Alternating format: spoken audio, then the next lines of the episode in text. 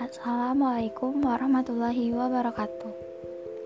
Hai teman-teman, ini adalah podcast pertama aku. Sudah menjadi takdir kamu untuk mendengarkan podcast ini. Sama halnya, sudah menjadi takdir kita untuk saling berbagi kisah. Hal-hal sedih, kecewa, bahkan rindu. Barangkali kita perlu perkenalan.